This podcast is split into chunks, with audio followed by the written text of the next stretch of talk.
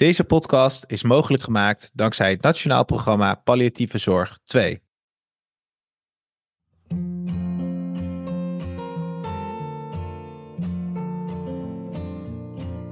Beste luisteraars, welkom bij een nieuwe aflevering van de Carent Podcast. Ik ben uw host Nick Dekker.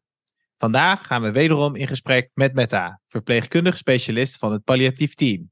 Metta, welkom. Dankjewel Nick, wat fijn dat ik uh, weer bij je mag aansluiten.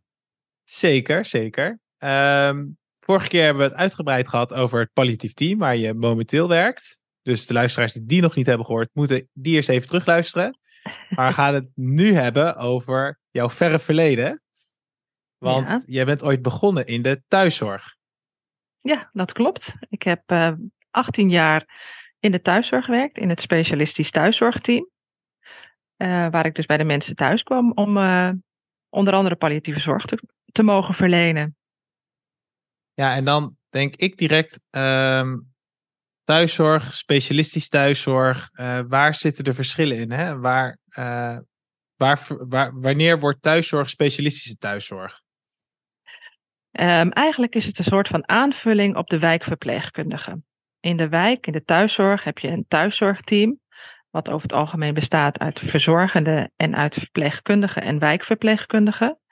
En heel veel thuiszorg, thuiszorgorganisaties hebben een specialistisch thuiszorgteam. Dat noemen ze een TTH-team of een MTH-team, een medisch-technisch handelen-team. Dat zijn uh, wijkverpleegkundigen of verpleegkundigen in de wijk die een specialistische nou, opleiding hebben gedaan om uh, de technologische zaken in de thuiszorg te doen. Dus het aanprikken van een portakat thuis, het prikken van een infuus thuis. Um, en onder andere ook infusie thuis, dus de pijnpompen, maar ook chemotherapieën als er een oncologieverpleegkundige bij zit. En dat ben ik dus ook. En ook in de thuiszorg, dan mag je ook chemotherapieën thuis doen. En hoe, uh, hoe kom je in zo'n specialistisch team terecht? Welke opleiding of welke route heb je gehad? Nou, de route die ik heb gehad is toen ik bij de thuiszorg kwam, was ik al oncologieverpleegkundige en ben ik in het MTH-team, zoals wij die dan noemden, terechtgekomen. En mocht ik dus uh, nou, de infusie thuis doen. En dat deed je niet alleen bij volwassenen, maar ook bijvoorbeeld zondevoeding, zondes inbrengen bij kindjes en bij zuigelingen. Dat deden wij ook. Het klinkt best veelzijdig, maar klinkt ook best wel hectisch. Of heb... Ja, dat was het ook eigenlijk wel. Want zo was je bij een zuigeling uh, een zonde aan het inbrengen. En een uurtje later stond je bij uh, iemand die aan het overlijden was. Dus je was, het was heel veelzijdig. Een mooie baan trouwens ook. Ja. Had je dan ook tijd als je bij mensen thuis kwam? Uh, zo heb ik het wel ervaren. Um, of misschien nam ik die tijd ook wel. Maar uh, we hadden echt een heel ja, team wat, wat heel intens met elkaar samenwerkte. Dus op het moment dat je dacht van, oh, nou heb ik echt uh, te veel zorg. Of, hè, want je moet natuurlijk ook rijden van de ene plek naar de andere plek. Want het is natuurlijk niet een zaaltje naast elkaar. Je moest soms echt wel een kwartier of twintig minuten, soms wel eens een half uur rijden van de ene patiënt naar de ander. En dan moest je wel eens een beroep doen op nou, of op de wijkverpleegkundige. Dat je zei, wil jij even kijken hoe het bij iemand is? Um, of naar een collega van, goh joh, kan je bijspringen, want het wordt nu te veel. Maar over het algemeen uh, kon, kon ik dat wel aardig, uh, en mijn collega's ook, konden we dat wel aardig managen. Ja, je moet het dus echt samen doen. Ja, je moet het echt samen doen. Want ook als je, een, als je bijvoorbeeld bij iemand thuis was, een kindje die kwam te overlijden, want daar was je ook wel. Nou, dat gaat natuurlijk best wel nou, dat was best wel heel intens, intensief ook voor jezelf. Dan ging je wel eens een collega vragen van, goh, kan je het nu van mij overnemen? Want uh, ik, ik trek het even niet om nog meer te gaan doen. Ja, jeetje. Klinkt uh, heel invoelbaar, maar ook wel heel heftig om daar... Verschilt het dan ook als je thuis bent, dat het dan nog dichterbij komt? Dat vond ik wel. Ik vond de zorg thuis vond ik echt wel heel intensief. Je voelde echt uh, nog meer mee, zeg maar. Je was een onderdeel van een gezin. Tenminste, zo mm -hmm. voelde dat wel. En uh, ja, dat, dat kwam altijd wel binnen. Maar ook bij uh, jonge ouders, eh, waarbij een van de vader of moeder kwam te overlijden, waar dus de kinderen ook thuis speelden. dus je stond tussen de Playmobil en de Barbie-poppen, stond je een vader of een moeder te verplegen die zou komen te overlijden. Ja, en als je dan zelf ook kinderen hebt, dan komt het altijd nog wel, uh, komt het altijd heel dichtbij. Dat kwam altijd wel heel erg binnen. Ja. Ja. Was er ook ruimte voor met elkaar over na te praten of uh, te delen? Ja, daar was vaak wel ruimte voor, maar in de thuiszorg werk je ook heel, heel veel alleen. Werk je heel erg solistisch. En wat ik wel merkte is, en je doet het ook wel vaak samen met de wijkverpleegkundige of de wijkverzorgende, uh, maar je werkt ook heel nauw samen met de huisarts. De huisarts is de behandelaar thuis. En een huisarts uh, maakt wel wat overlijdens mee, maar wij deden dat natuurlijk uh, over de hele linie veel vaker dan de huisarts. En dan ging je dat wel heel erg, die, die samenwerking was wat intensiever. Dat was wel heel prettig. Ja. Precies. Um, en in je verhaal hoor ik ook dat je dan vaker terugkomt bij dezelfde patiënten. Hè? Dat, je, dat dat niet bij uh, één of twee bezoeken blijft. Nee, wat je vaak. Ja, het was wel veelzijdig. Hè? Als je, soms had je wel eens dat je patiënten die dan een chemokuur hadden, uh, hadden of, of had. Uh, daar kwam je al een paar keer met die chemotherapieën, die je dan met zo'n infuuspompje ging aansluiten en afsluiten. dan kende je ze al wat langer. Als ze dan op een gegeven moment in het palliatieve traject kwam, dan vervolgde je dat. Maar soms had je ook wel dat je patiënten niet kende, die uh, ineens toch in de terminale of in de stervensfase terechtkwamen. Dat dan de huisarts en de wijkverpleegkundige belden van, goh, kan je nu komen om bijvoorbeeld een morfinepompje eh, te starten of te starten met palliatieve sedatie. Dan deed je hem voorbespreken met de huisarts telefonisch. Die moest dan ook zorgen voor een uitvoeringsverzoek. Dus dat was eigenlijk een soort van ja, opdracht die getekend was door de huisarts van jij mag nu uh, starten met uh, bijvoorbeeld subcutane pijnbehandeling. Hè. Dat deed je met een klein naaldje onder de huid. Um, daar, dat was dan de toegang om de medicatie uh, te geven. Dan ging je dat naaldje inbrengen, maar dan had je dus een uitvoeringsverzoek nodig van de huisarts. Dus een opdracht die getekend is door de huisarts, waarin hij jou de opdracht geeft: jij moet dat subcutane naaldje geven en jij moet die medicatie via dat subcutane naaldje geven met de hoeveelheid. Ja, en dan ben ik dus super benieuwd. Hoe, hoe kom je dan binnen? Hoe stel je je voor? Uh, want het lijkt me niet dat je binnenkomt, naald erin en weer weg. Uh, nee, dat, nee. dat deden we vaker niet. Nee. Het is inderdaad, je komt binnen en dat is. Um, de wijkverpleegkundige heeft natuurlijk al de zorg misschien al, al heel lang verleend, of misschien wat korter verleend aan die patiënt. Um, en dat is dan aanvullend, kwamen wij dan binnen van het specialistisch team om dus de medicatie toe te dienen. Um, ja, dat moet je dan zo zien dat je dus aanbelt. De patiënt of de naaste doet dan open. De patiënt dan over het algemeen niet, uh, die dan in de terminale fase zit. Maar uh, soms wel trouwens, maar dan moet je afvragen of je wel bij de juiste, de juiste indicatie hebt. Of de maar, verkeerde deur hebt aangebeld. Of de verkeerde deur inderdaad, kan ook een verkeerde dorp. Ja. Nee, maar um, dan bel je dus aan en dan doet de naaste open. En dan uh, ben je al geïntroduceerd vaak ook door de huisarts hè, of door de collega wijkverpleegkundige. Die zegt van nou, collega van het medisch specialistisch team komt. En um, ja, dan ga je ook uitleggen waarom je binnenkomt. En, en uh, vaak uh, door die introductie, hè, dan is er dus al een, een last. Hè, want je mag alleen maar medicatie geven op het moment dat dat geïndiceerd is. En dan ga je, um, nou, dan kom je binnen en heel vaak is het al wel zo van, nou, fijn dat je er bent. Hè, eindelijk dat er dan goede pijnbestrijding gegeven wordt. Of eindelijk wordt er iets aan het lijden gedaan. Dus dat is, uh, ja, dan word je al wel verwacht. En soms kom je binnen en als er dan zo met een palliatieve sedatie bijvoorbeeld, ja, dan heb je wel eens dat er twintig man of meer in een kamer zit. En uh, dan uh, heb je ook wat twintig mensen, heb je toch veertig ogen die op jou gericht zijn. Of jij de goede zorg verleent aan opa, oma, of broer of zus, of uh, aan degene, de stervende. Dus die kijken dan wel kritisch mee. Het is ook belangrijk dat je dan in die huissetting, hè, want je komt echt bij de mensen thuis. Dus je komt echt een beetje op visite ook dat je dan uh, ja, goed vertelt wat er gebeurt. En soms, het lastige is wel als dan de huisarts zegt van, nou, uh, er komt straks iemand van de thuiszorg en die gaat u in slaap brengen. En dan ja, heb je geen pijn meer. Moet je soms ook een beetje teleurstellen en zeggen van ja, dat gaan we proberen. Maar het kan ook zijn dat u wel wakker wordt. Dus dan moet je soms wel de brenger zijn van oké, en, en wat dan? Uh, ik ga dus niet meteen dood. Nee, in principe gaat iemand niet meteen dood als je pijn komt bestrijden of het lijden komt verlichten. Dan ga je over het algemeen niet meteen uh, dood. Dus dan Dus moet je heel veel veel uitleggen. uitleg. Veel Ja. uitleg aan de familie. Ja. Ja, ja, dat is echt het allerbelangrijkste. Goed vertellen wat er gebeurt. Ehm, door goed informatie te gaan geven, merk je ook dat de stress om een sterfbed naar beneden gaat. Hè? Wat in de vorige podcast ook verteld is. Nou, dat is natuurlijk thuis niet anders dan in een ziekenhuis. Wil je harmonie om een sterfbed? Wil je dat er rust is? eh, en dat iedereen goed weet wat er gaat gebeuren. Tenminste, dat is wel je intentie om dat op, de, ja, op een goede manier uit te leggen. Wat me zo, zo nou ja, lastig, misschien is niet het goede woord, maar wat me zo'n enorme uitdaging lijkt, is dat je dan weer weggaat. En in het ziekenhuis ben je natuurlijk binnen twee minuten weer in de kamer. En dan kunnen ze op knop drukken en dan is er direct iemand. Maar in de thuissituatie is dat natuurlijk, is die controle toch minder direct. Hè? Hoe, hoe, hoe ging dat? Ja, dat klopt.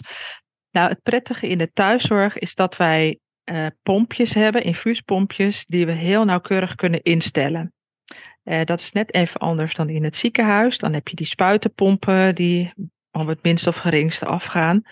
Eh, wij hebben daar pompjes en daar zit een bolusfunctie op. Dus op het moment dat de patiënt of de cliënt of bewoner meer pijn heeft of meer benauwd is of meer wakker wordt, geef je goede informatie aan de naasten, die dat ook goed moeten kunnen snappen natuurlijk.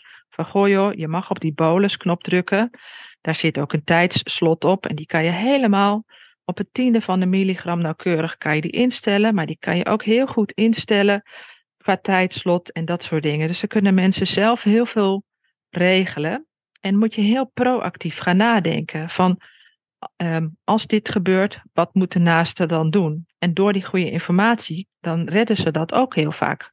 Ik heb tenminste heel weinig, eigenlijk nooit echt vervelende dingen meegemaakt wat dat betreft. En de huisarts is ook vaak wel in de buurt.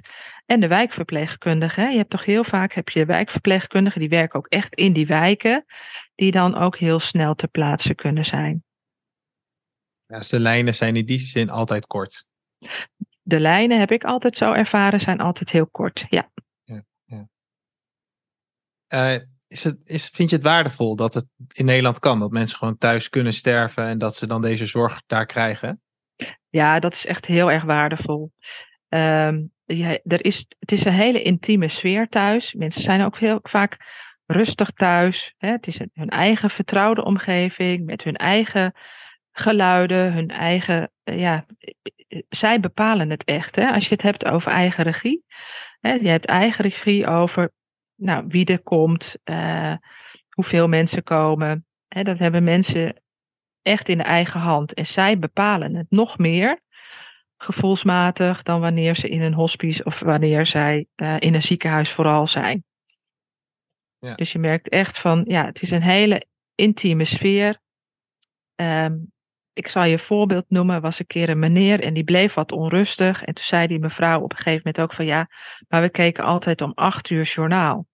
En toen zei ik ook, maar je moet hier thuis ook vooral lekker doen wat je altijd gewend bent. En zei ze, mag dat zomaar? Ik zeg, nou, dat vooral lekker doen. En toen zij dus alle ritueeltjes eigenlijk, die ze in de loop van de tijd hadden, nou ja, eigenlijk stilzwijgend hadden ontwikkeld, gingen ze gewoon doen. En dan merk je gewoon dat mensen dan nog rustiger zijn. Ze hebben veel minder last van, uh, van die verwardheid die je in het ziekenhuis nog wel eens ziet. Vooral omdat het gewoon thuis is. Hun eigen geluiden, hun eigen dingetjes, hun eigen ritueeltjes, die kunnen ze thuis natuurlijk heel goed doen dan. Ja, want dat hè, als uh, gezond iemand, dan krijg je het gevoel van ik zou ook graag thuis willen sterven als het zover is. En dat, uit onderzoeken weten we ook dat, dat de meeste mensen dat graag willen, maar toch verschuift dat. Hè? Kan je ja. daar misschien uitleg over geven? Heb je een idee waardoor dat komt? Um, ik denk dat het vooral komt, uh, iedere ziekte neemt symptomen, dus klachten met zich mee. En vooral als mensen dan benauwd zijn bijvoorbeeld, dan is er altijd een soort van paniektoestand. En wat er dan gebeurt, is dat ze 112 als het ware bellen en naar het ziekenhuis verplaatst worden. Uh, omdat die klacht dus niet op de juiste manier behandeld wordt op dat moment. Uh, dan komen ze in het ziekenhuis en helaas komen ze dan ook heel vaak in het ziekenhuis te overlijden. we zien dus heel vaak de laatste weken van iemands leven, als er dan wat gebeurt, dat er vooral, en dat gebeurt ook heel vaak uh, in de avonden of in de nacht of in het weekend, als de eigen huisarts er niet is, um, dat dan de vervangende huisarts ook niet zo goed weet wat, ze, wat die daarmee moet en dat ze dan naar het ziekenhuis toe gaan. En dan gaat, gaat het dus helaas niet thuis. En dan hebben ze, ook omdat er natuurlijk al een heel traject vooraf is gegaan, dat er vermoeidheid is bij de mantelzorger, bij de naaste. En dat ze het dan ook wel heel prettig vinden om onder de nou ja, de, de paraplu van het ziekenhuis te vallen. De veilige paraplu, zoals ze dat dan noemen. En wat jij ook net al zei, je drukt op een knop en binnen twee minuten is er dan een nou, verpleegkundige. Dat vinden ze dan toch wel heel veilig. Terwijl het thuis ook heel veilig kan, maar nou ja, in sommige gevallen gebeurt het dan dat ze dan toch helaas in het ziekenhuis komen. En dat dan ook die naaste al een soort van overbelast is. Dat ze zeggen van nou, misschien dat het toch beter is om dan nou ja, op het laatst toch naar het hospice te gaan. Wat ook een hele prettige plek is hoor, voor veel patiënten en hun naasten. Ja, want zo is het dus ook. Als het uiteindelijk dan toch niet wil thuis, dan is er nog altijd die mogelijkheid hè, om naar een hospice of desnoods, als het echt niet anders kan, naar het ziekenhuis te komen. Ja, dat klopt. Als je dan toch merkt, want dat weet je van tevoren, is het natuurlijk heel moeilijk te bepalen van hè, hoe gaat het dan zo'n laatste fase. Als het dan thuis toch wat lastig wordt, eh, dat, dat dan is er altijd een mogelijkheid om naar het hospice te gaan als er op dat moment plek is. Ja. Is de thuiszorg nu in jouw ervaring de laatste jaren meer onder druk komen te staan door de toenemende zorgvraag? Nou ja, de complexiteit van de thuiszorg, hè, er is steeds meer mogelijk, is uh, denk ik ook toegenomen. Um, maar je merkt ook, daar is ook het probleem uh, dat er te weinig personeel is. Ja, en dan is het ook heel moeilijk. Als er weinig personeel is, kan je natuurlijk ook thuis niet zo heel veel ja, patiënten, cliënten, hè, in thuiszorg noem je het cliënten, aannemen om de goede zorg uh, te kunnen waarborgen en die kwaliteit te kunnen waarborgen. Dus ik denk inderdaad dat, dat die, die zorgvraag, hè, die zorgzwaarte, die neemt toe. Maar um, wat je ook ziet, is steeds meer eenzaamheid thuis. Als mensen eenzaam zijn, als mensen alleen zijn en een klein netwerk hebben, en ze worden ziek en ze hè, komen te overlijden of in de terminale fase, dan is het ook niet meer te doen thuis. Hè, 24 uur zorg is er eigenlijk bijna niet meer. Dus dan is het ook, kan je aan de zorgvraag niet voldoen als thuiszorg. Hoe graag je ook wil. En dan grijp je bijvoorbeeld naar een hospice? Is dat zo'n zo'n situatie waarin je dan toch daarna gaat kijken? Ja, dat klopt. Als dan mensen thuis zijn en ze komen in de terminale fase, als ze dan de levensverwachting, ja, dat klinkt een beetje zakelijk, maar daar moet je wel naar kijken. Als de levensverwachting korter is dan drie maanden, dat je dan zegt van, goh, iemand kan naar het hospice. Die markering, zoals we dat noemen, van drie maanden is heel erg belangrijk. Anders zouden mensen te lang in een hospice liggen. En dan stroopt daar de zorg op. En dat wil je ook niet. Een hospice is echt voor die laatste fase van iemands leven. Stel dat je zegt van goh, het kon wel eens langer duren, die levensverwachting. Dan moet je denken aan een verpleeghuis als het thuis niet meer wil. Hey, en Metta, dan hoor ik je vertellen over hoe dat is dan thuis en hoe veelzijdig het is. Waarom ben je dan toch naar het ziekenhuis toe gegaan? nou, omdat ik daar de opleiding mocht doen voor verpleegkundig specialist. um, ja, en, het is ook wel weer leuk om in het ziekenhuis te kijken. Ik vind het, uh, het werk in het ziekenhuis ook weer hartstikke leuk. Ik heb 18 jaar in de thuiszorg gewerkt. Ik heb het altijd met ontzettend veel plezier gedaan. Uh, fantastische baan waar je echt bij de mensen thuis komt. Waar ze ook echt uh, kwetsbaar kunnen zijn, mogen zijn. En ook laten zien kwetsbaar ze zijn. Ik vond het echt geweldig als je achter die voordeur kwam. Dat je binnenkwam en dat je al heel snel wist van ja, hoe zit het hier in elkaar? Hè? Hoe zit een gezin in elkaar? Uh, mensen zijn lekker zichzelf. Ze lopen, nou ja, ze lopen echt letterlijk en figuurlijk op hun sokken. Um, en dan ja, mag je daar onderdeel van zijn. In een ziekenhuis heb je toch de ziekenhuissfeer, je witte jas. Um, mensen zijn meer op bezoek bij jou in het ziekenhuis. Dat is toch echt anders dan wanneer ze lekker thuis zijn. Dus ik vond dat werk heel leuk, maar ik vind het werken in het ziekenhuis ook ontzettend leuk. En ik vind het heel mooi dat we steeds meer bezig zijn met die transmurale zorg.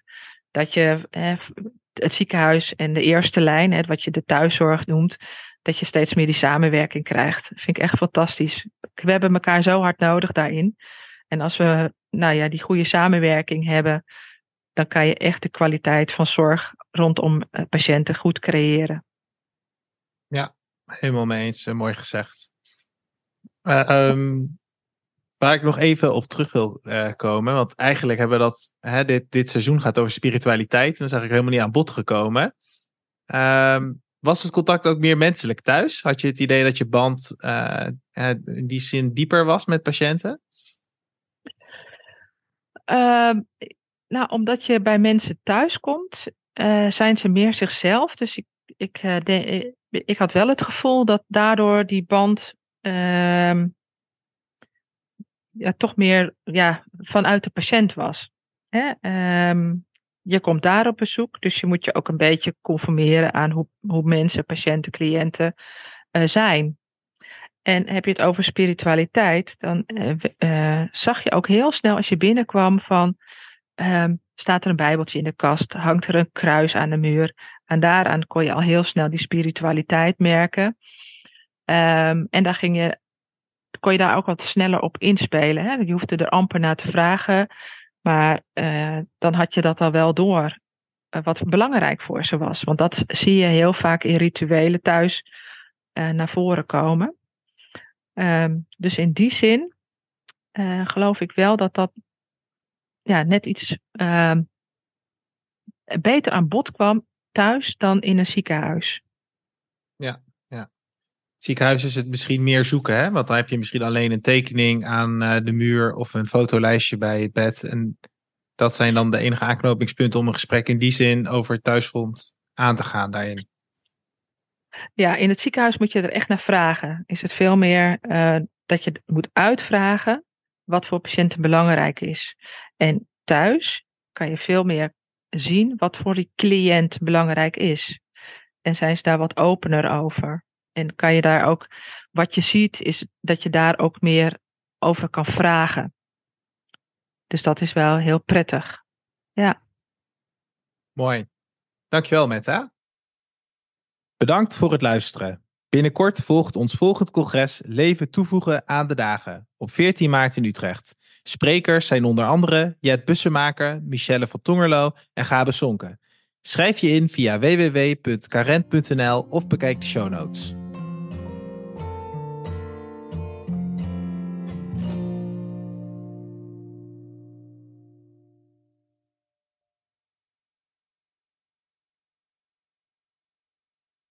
Deze podcast zou niet mogelijk zijn zonder onze samenwerkingspartner, het Nationaal Programma Palliatieve Zorg 2 van Stichting Palliatieve Zorg Nederland. Zij maken kennis en ervaringen beschikbaar via de websites overpalliatievezorg.nl voor patiënten en palliaweb.nl voor zorgverleners. Tot volgende week.